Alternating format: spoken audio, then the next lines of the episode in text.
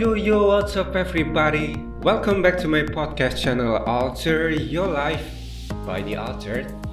And masih bersama gue Panca di sini yang akan nemenin kalian semua para pendengar setiap podcast Alter Your Life. Emang ada yang setia, Cak? Ya, berharap dikit, nggak apa-apa lah. Ya, pokoknya intinya gitulah. Gue juga sebelumnya minta maaf nih sama pendengar setiap podcast ini kalau gue baru bisa upload satu episode baru lagi.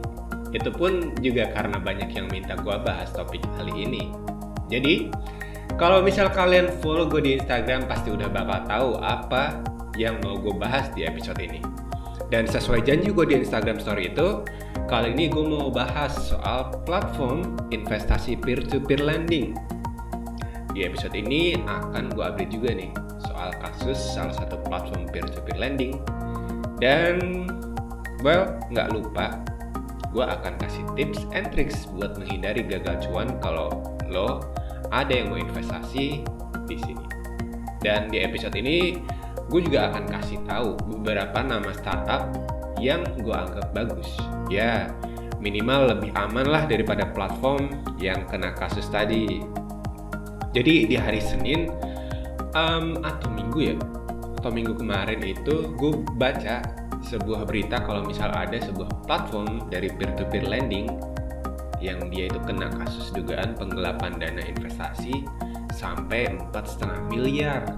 Tuh, bayangin deh, duit segitu kalau misal buat makan sushi kan kayak conveyor beltnya hmm, mungkin nggak berhenti sampai berapa hari atau berapa minggu kali ya. Oke, okay, back to topic deh. Back to topic startup yang kena kasus ini tuh namanya Tani Oke, Tani E dan dan sampai podcast ini dibuat itu ternyata ada update klarifikasi dari pihak mereka kalau dana tersebut itu bukan digelapkan melainkan karena adanya force majeure yang bikin gagal bayar. Uh, kalau misal kalian pengen tahu info lebih lanjutnya, kalian mungkin bisa baca di internet aja kali ya karena di episode di episode ini itu gue lebih dedikasikan untuk ngasih insight atau tips untuk kalian yang ingin terjun investasi di ranah peer-to-peer lending. Jadi nantinya itu biar kalian nggak terjebak di platform-platform semacam tadi nilai itu tadi yang kena kasus. Dan sekedar FYI aja, emang gimana ya kayak Tani E yang dia bergerak peer to peer lending itu bergerak di bidang agrikultur itu emang apa ya gue akuin dia emang yang paling berisiko dibanding peer to peer di bidang lain. And that's why gue akan bagi tips untuk kalian. Uh, jadi tips ini itu biar ya secara nggak langsung buat menurunkan menurunkan risiko atau chance buat loss di investasi peer to peer lending ini. Tapi untuk disclaimer juga nih jadi I told you this and I cannot stress this enough. There is no risk-free investment. It's just how big your risk stage is and your knowledge to minimize the risk. Oke? Okay? Dan ini dia tips yang pertama yang akan gue kasih ke kalian yang harusnya bisa kalian pakai untuk menghindari startup gagal bayar itu.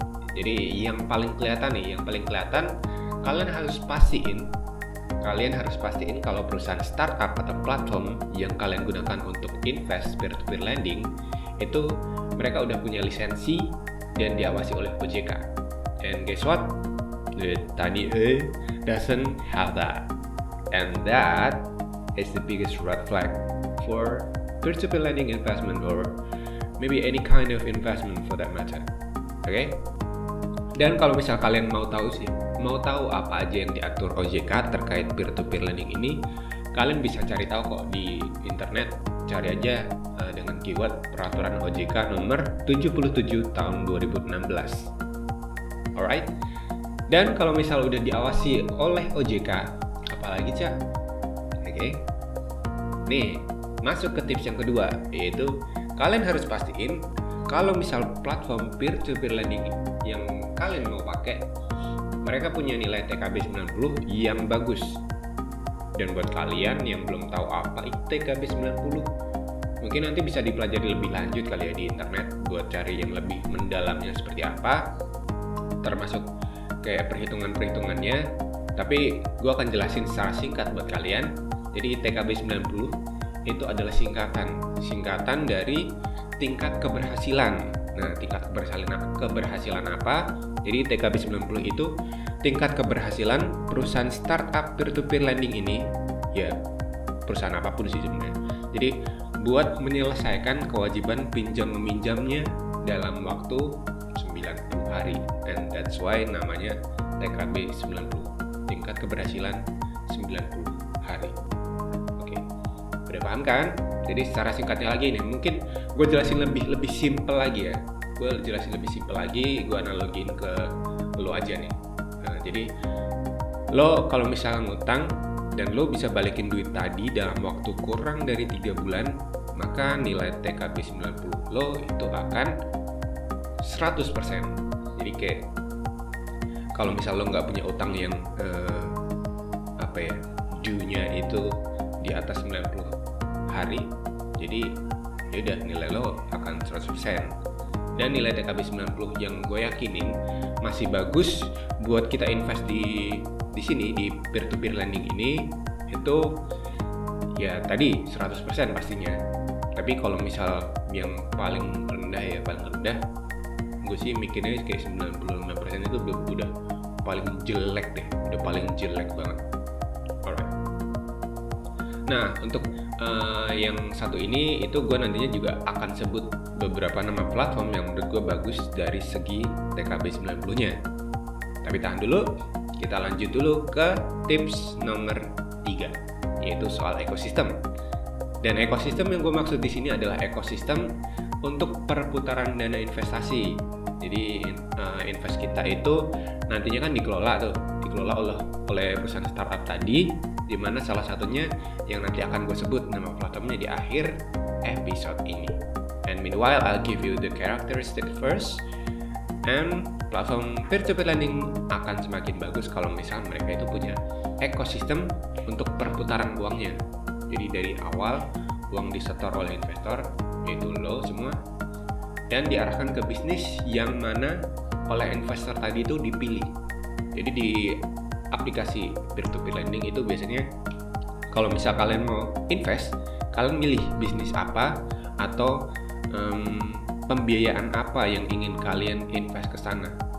Nah, nah, setelah itu bisnis tadi itu juga disediakan wadah nih kalau misal mereka uh, si startup ini punya ekosistem yang bagus, mereka mempunyai wadah di mana si peminjam tadi bisa menjualkan barang hasil produksi mereka di sana. Jadi uh, pendananya udah, wadah untuk menjualnya udah, sampai nanti jadi uang dan kembali ke tangan tangan kalian para investor di peer-to-peer lending. Jadi semakin jelas dan bagus dari proses ekosistem ini, maka akan semakin bagus pula investasinya dan risikonya juga akan semakin kecil. Jadi gue ambil contoh juga ya di Indonesia ini ternyata ada ada platform yang sepengetahuan gue dia punya ekosistem yang bagus or at least mereka cukup meyakinkan gue untuk invest melalui platform mereka. Jadi perusahaan startup ini dia punya platform untuk pendananya yang tadi soal duit duit lo invest ke debitur melalui platform mereka um, yang ya mereka tuh udah udah ngajuin prospektus ngajuin proposal dalam bentuk prospektus yang isinya itu kayak simple aja sih. Simpelnya kayak uh, proyeksi um, data proyeksi profit sama data kebutuhan-kebutuhan keuangan uh, kayak biaya nanti pendapatannya berapa segala macam. Itu simple. Jadi kalau misal kalian uh, mau tahu mau tahu investasi seperti apa kalian bisa baca dan itu gampang kok bacanya. Dan selain itu si startup ini yang ada di Indonesia ini dia juga punya platform untuk si debitur tadi menjual hasil produksi mereka. Jadi mereka nggak perlu repot-repot cari pasar lagi untuk menjual. Dan hal itu itu dapat menurunkan risiko gagal jual. Karena mungkin ya mungkin si peminjam dana yang punya bisnis tadi tuh nih udah udah punya modal banyak dari lo semua para investor. Mereka menghasilkan hasil produksi yang banyak tapi mungkin pasarnya dikit. Jadi kan bingung tuh makanya uh, dengan adanya wadah ini harapannya bisa lebih terjamin untuk penjualannya dan turnover jadi cashnya itu jadi lebih lebih cepat dan gampang. Dan sebenarnya mereka juga punya maksudnya perusahaan startupnya. Perusahaan startupnya ini ini juga punya platform tambahan tapi uh, kayaknya nggak akan gue bahas di sini karena emang menurut gue sebagai sebagai investor ya ekosistem dari pendanaan sama uh, wadah penjualan tadi tuh udah udah cukup bagus sih dan selanjutnya lanjut ke tips terakhir dari gue terkait peer-to-peer lending ini adalah kalian perlu cari tahu skema asuransi dari platform yang kalian gunakan. Jadi kalian juga harus pastiin kalau mereka memiliki kerjasama asuransi ya minimal dengan satu lah dengan satu perusahaan asuransi yang independen dan yang kredibel. Ya sebenarnya ada juga sih yang apa ya platform di Indonesia yang selain bekerja sama dengan perusahaan asuransi ada yang bekerja sama juga dengan koperasi untuk uh, well either untuk pendanaannya ataupun untuk penjualan hasil mereka jadi semakin semakin apa ya semakin terjamin uh, kerjasama asuransi mereka atau kerjasama penjualan mereka jadi semakin bagus buat lo invest ke sana. Nah yang ditunggu-tunggu nih gue akan kasih tahu ke kalian beberapa nama yang beberapa nama platform atau uh, perusahaan startup yang gue nilai bagus. Dan di sini gue nggak nyuruh ya gue nggak nyuruh atau maksa kalian ikutan dengan gue investasi ke platform-platform ini well do it with your own risk dan jadi uh, bisa aja tips dan nama yang gue sebut di sini itu kalian jadiin referensi aja untuk belajar kalau misal nantinya memang kalian akan memutuskan untuk invest di peer-to-peer lending. Dan FYI, nama-nama yang nama-nama platform yang gue sebut di sini itu nggak semuanya gue pakai, but here it goes for you especially. Jadi yang pertama yang menurut gue bagus itu ada namanya iGrow, IGROW. Jadi mereka bergerak di bidang agrikultur sama kayak yang tadi tadi meskipun ya ada sih ada review yang bilang gagal bayar but that's the risk of peer-to-peer lending investment tapi nggak sedikit juga loh nggak sedikit juga yang sukses sampai kembali uang mereka dengan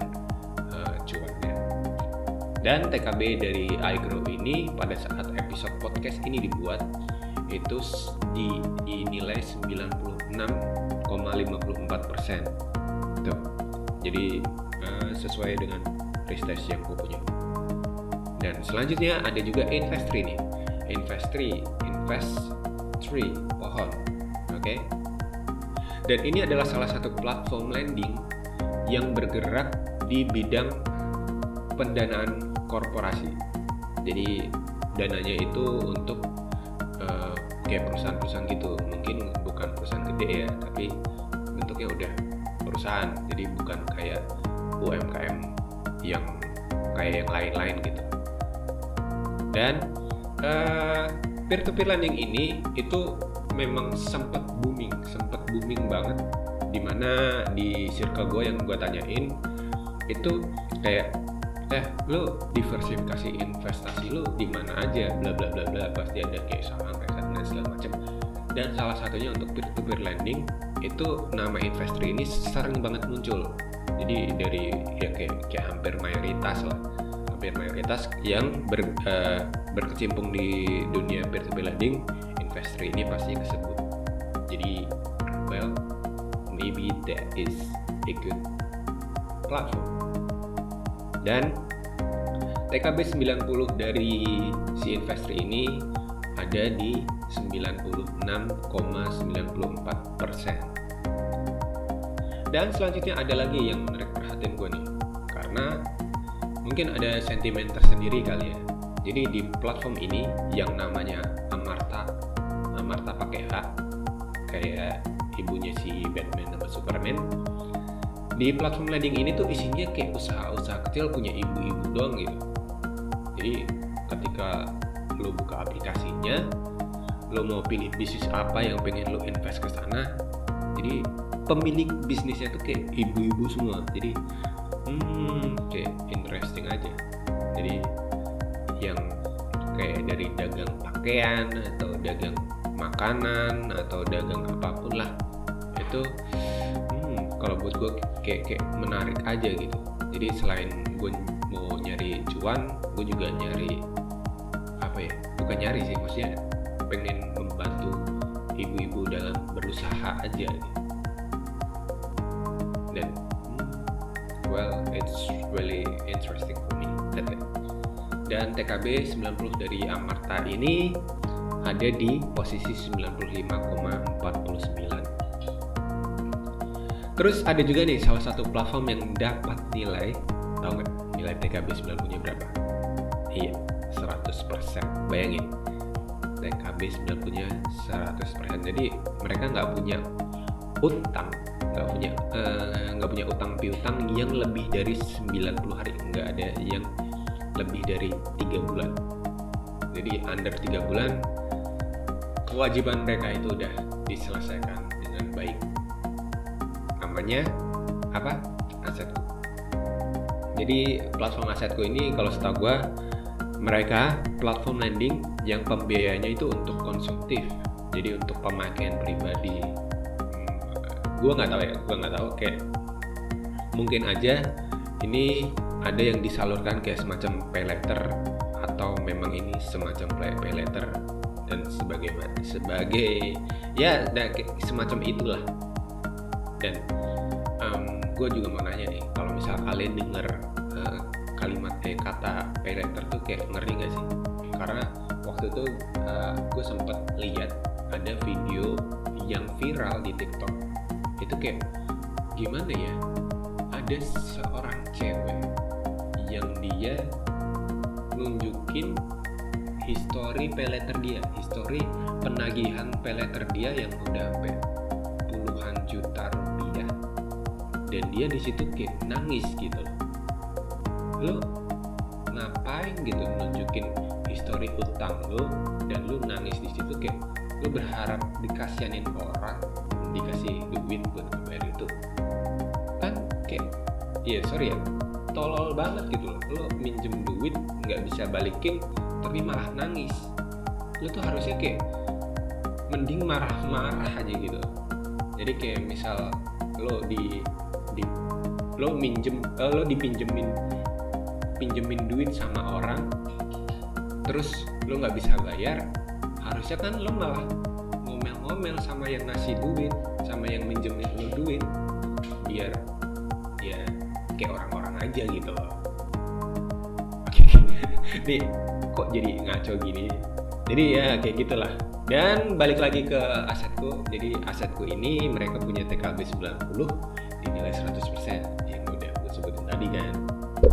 Jadi TKB 90 eh TKB 90 yang 100% ini kalau sepengetahuan gue jadi kayak bisa dicapai dengan emang apa ya sistemnya sistem yang udah bagus sistem dari collectionnya. Itu udah bagus jadi memang utang piutang selesai di under 3 bulan atau mungkin emang bisa juga dengan adanya cadangan dana untuk uh, mengatasi gagal bayar dan dananya itu juga dikelola dengan bagus tentunya ya makanya hmm, utang piutang mereka gak ada yang melebihi tiga bulan.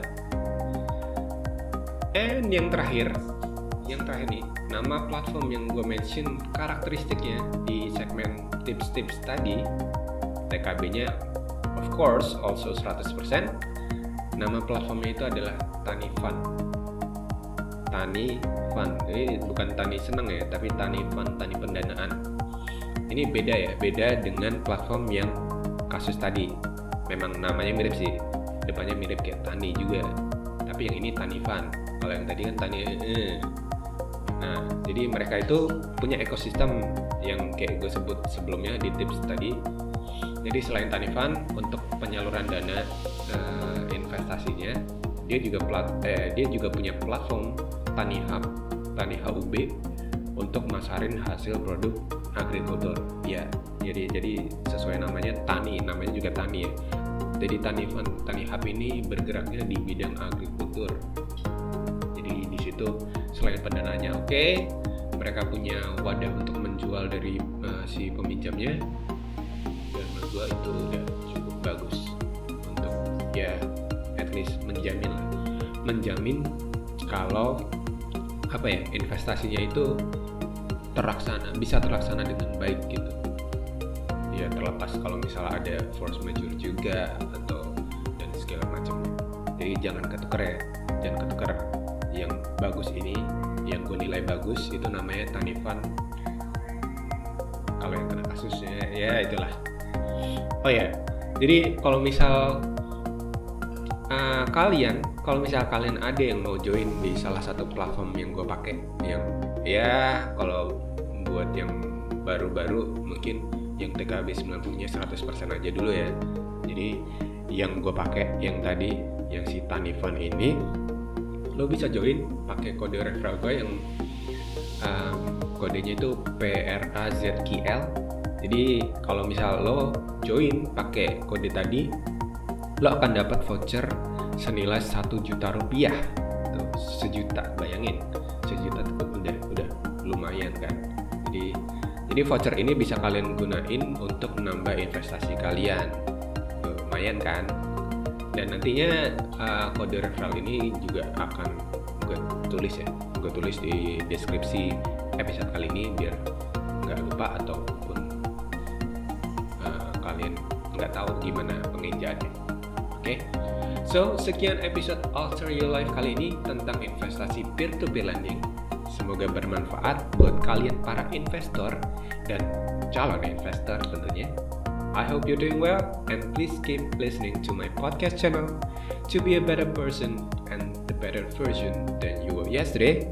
So please enjoy this.